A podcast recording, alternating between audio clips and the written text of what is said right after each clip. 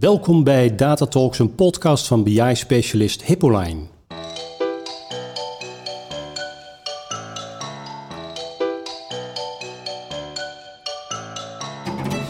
Het is bewezen dat onze hersenen eerder worden geprikkeld door een beeld of door een gedachte dan door het woord. En dat maakt datavisualisatie zo belangrijk en dwingt designers en bouwers van dashboards tot het maken van keuzes. Wat zijn volgens Rut Martorecchio de do's en de don'ts? Fijn dat je luistert naar Data Talks. Ik ben Joël Batenburg, journalist en programmamaker. Rut, welkom. Ja, um, dank je. Je bent BI-specialist bij Hippoline. Jullie bouwen dashboards en geven training. En jouw achtergrond, ik noem even de TU Delft, ja. um, industrieel ontwerp, werktuigbouwkunde en een minor 3D-animatie. Ja, klopt. En hoe kom je dan bij de datavisualisatie terecht? Klopt. Nou, inderdaad, hoe kom ik bij de datavisualisatie terecht? Um, ik heb inderdaad, wat je zegt, een achtergrond als industrieel ontwerper. Niet bepaald een traditionele IT-profiel dat je verwacht binnen business intelligence. Maar de vraagstukken die daarbij komen als, als ontwerper, um, die zijn eigenlijk ook van toepasbaar binnen de business intelligence. Mm -hmm. Namelijk um, echt vanuit de kant van de gebruiker. Hoe zorgen we ervoor dat innovaties um, toegankelijk worden voor de gebruiker? En hoe zorgen we ervoor dat ook in dit geval bij business intelligence data en informatie op zo'n manier overgebracht worden dat de gebruiker het simpelweg begrijpt? Dus ontwerper en ontwerpen als business intelligence komt toch wel dicht bij elkaar. Maar um, laten we zeggen, ik moet me ook eigenlijk meteen aan schoonheid denken. Je moet ook wel van kleurtjes, ja, van grafieken, kleur, van vormgeving, mooi. ontwerp ja, houden.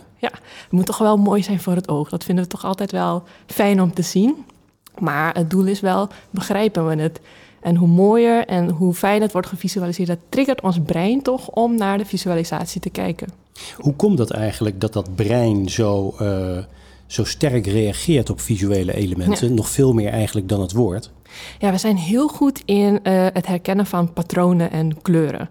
Dus we kunnen heel goed bijvoorbeeld de kleur rood van blauw onderscheiden. Of uh, uh, een vierkant van een cirkel onderscheiden. Mm -hmm. Ons brein zit zodanig in elkaar dat we altijd een trend of een patroon willen herkennen in de data of de informatie die we voorgeschoteld krijgen. Um, om een voorbeeld aan te halen, kijk naar bijvoorbeeld uh, de weersvoorspellingen. Die kijken we vast wel een keer naar de buienradar. Nou, de data die daarin zit zijn uh, neerslaggegevens, uh, de vochtigheidsgraad, temperatuur.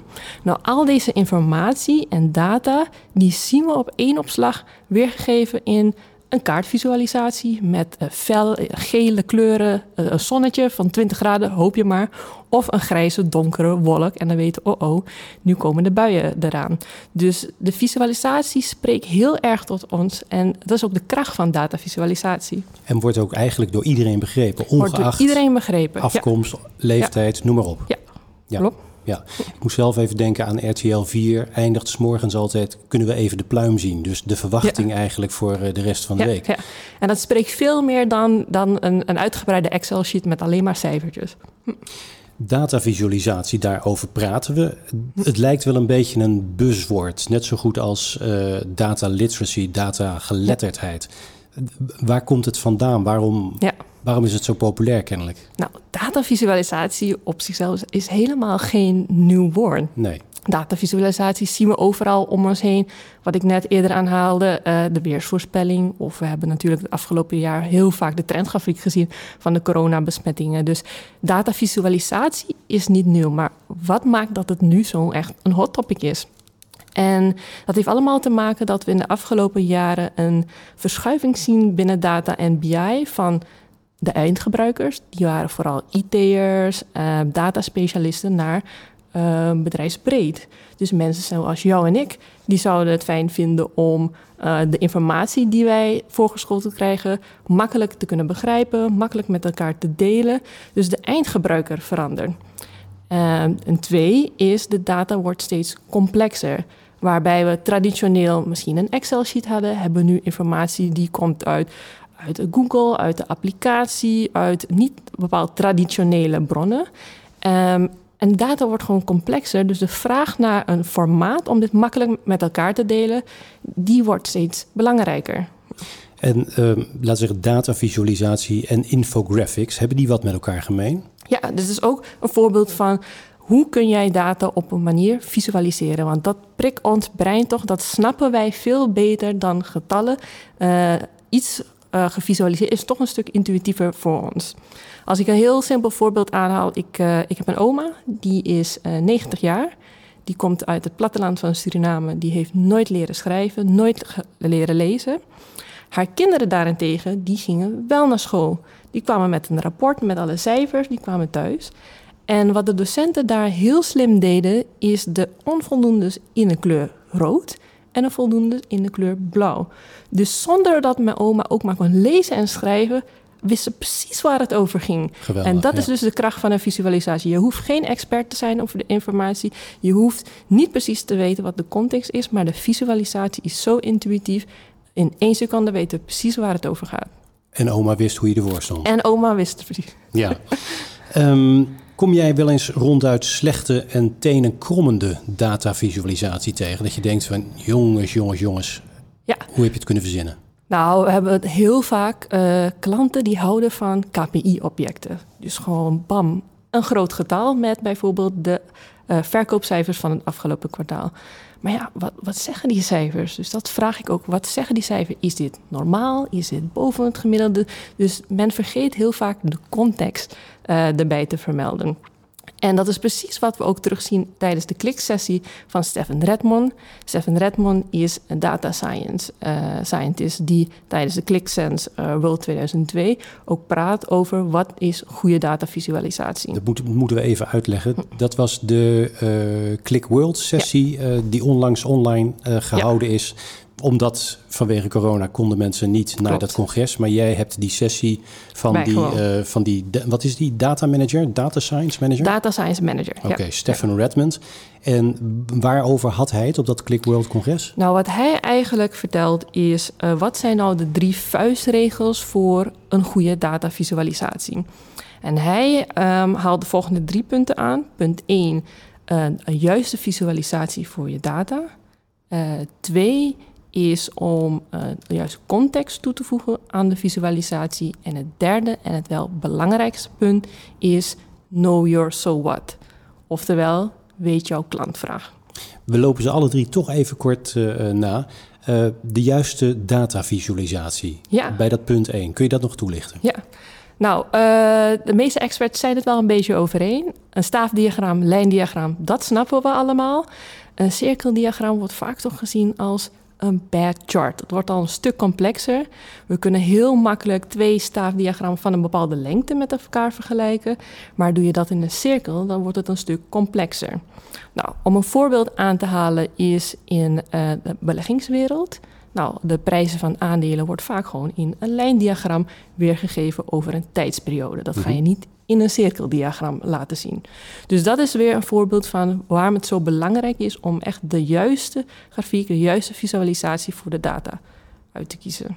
En het tweede punt wat, uh, wat die Redmond uh, zei, geef context, zeg jij. Ja, of ja. zegt hij eigenlijk. En ja. wat bedoelt hij daarmee? Geef context. En wat hij aanhaalt is, het is ontzettend belangrijk als we iets visualiseren, geef de juiste context. Dus zorg ervoor dat je een titel, titel hebt in je object. Zorg ervoor dat je de juiste assen en labels hebt. En dan geef je mensen in ieder geval de kans om een visualisatie te begrijpen. Want er zal vast wel iemand zijn die een lijndiagram niet begrijpt. Of misschien ben je wel kleurenblind en kun je de kleuren niet onderscheiden van een diagram.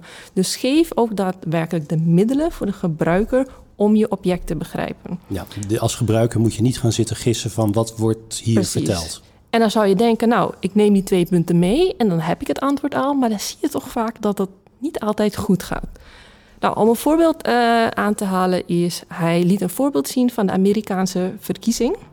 Waar uh, tijdens een campagne een lijndiagram getoond werd van het aantal hoogopgeleide um, in dat ambtstermijn van deze president. Nou, zo'n stijgende lijn, fantastisch.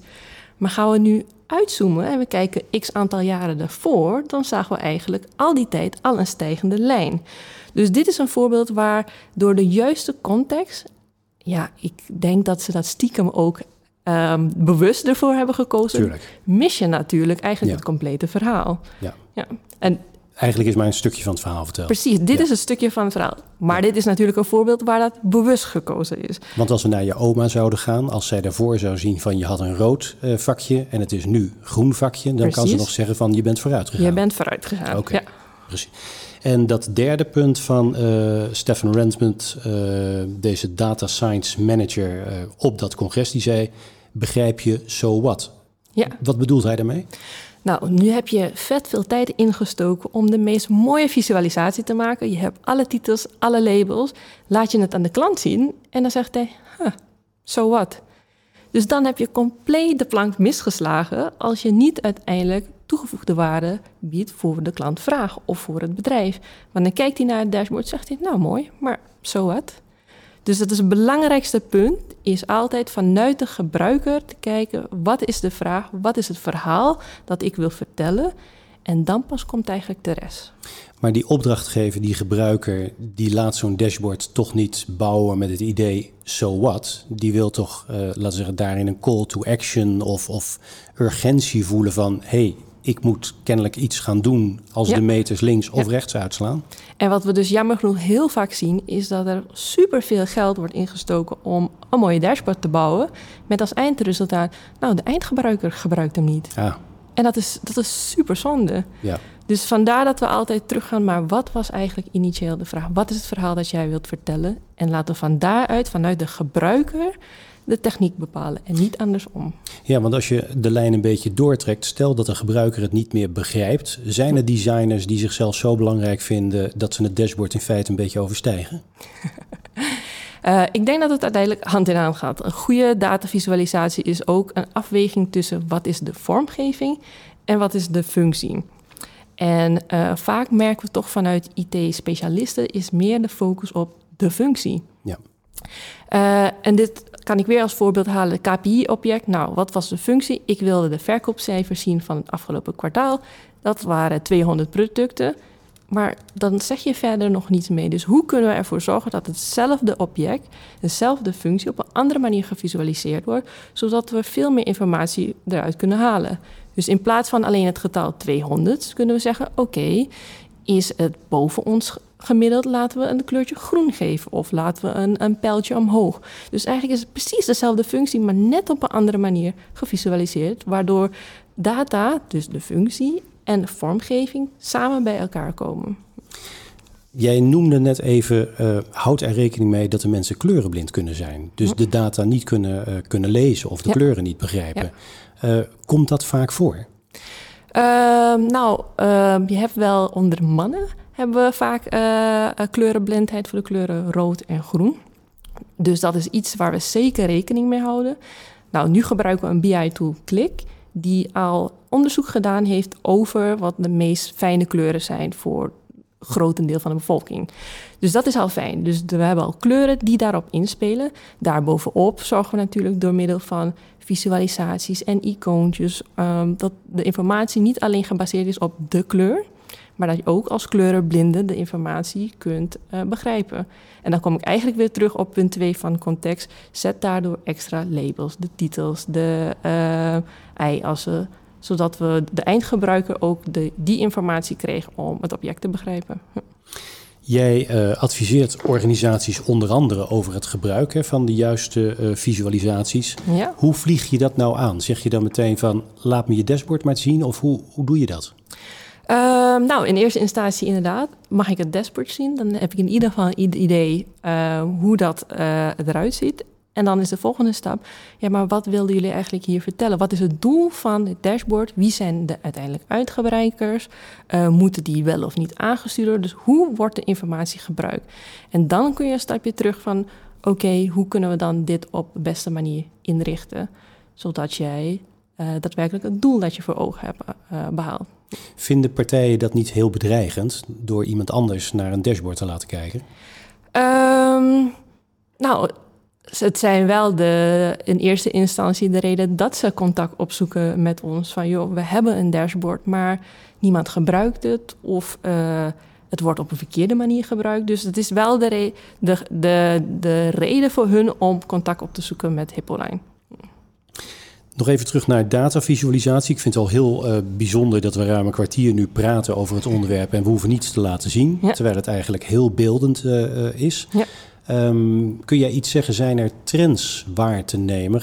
Ontwikkelt die datavisualisatie, die ontwikkelt zich, dat weten we, want dat is de afgelopen jaren gebeurd. Je maakt er ook veel meer kennis mee in programma's of in tijdschriften, kranten. Um, maar wat en natuurlijk uh, de dashboards van, uh, van, van Rijkswegen over corona. Mensen raken eraan gewend. Maar wat zijn trends? Wat, wat, wat zie jij gebeuren? Nou, wat we vooral zien bij uh, de trends binnen data is... Uh, we kunnen steeds veel meer visualiseren. Waar het voorheen de standaard Excel-sheetje met lijndiagram of een, een, staafdiagram... hebben we nu veel meer opties om icoontjes te gebruiken... of uh, meer kleuren en vorm. Dus de vormgeving, het echt het visualisatie binnen de data... wordt steeds mogelijker dan alleen maar ik geef een lijntje een kleur. Zijn er al uh, data dashboards, uh, data visualisatieprijzen in, uh, in, in de BI-wereld? Dat is een hele goeie, dat zou ik niet weten. Oké, nou, dus misschien om in gedachten te houden. Um, tot slot, binnenkort van jouw hand een whitepaper over dit, dit onderwerp, begrijp ik. Um, dat gaat Hippoline melden in de nieuwsbrief waarop mensen zich kunnen abonneren via de website hippoline.nl.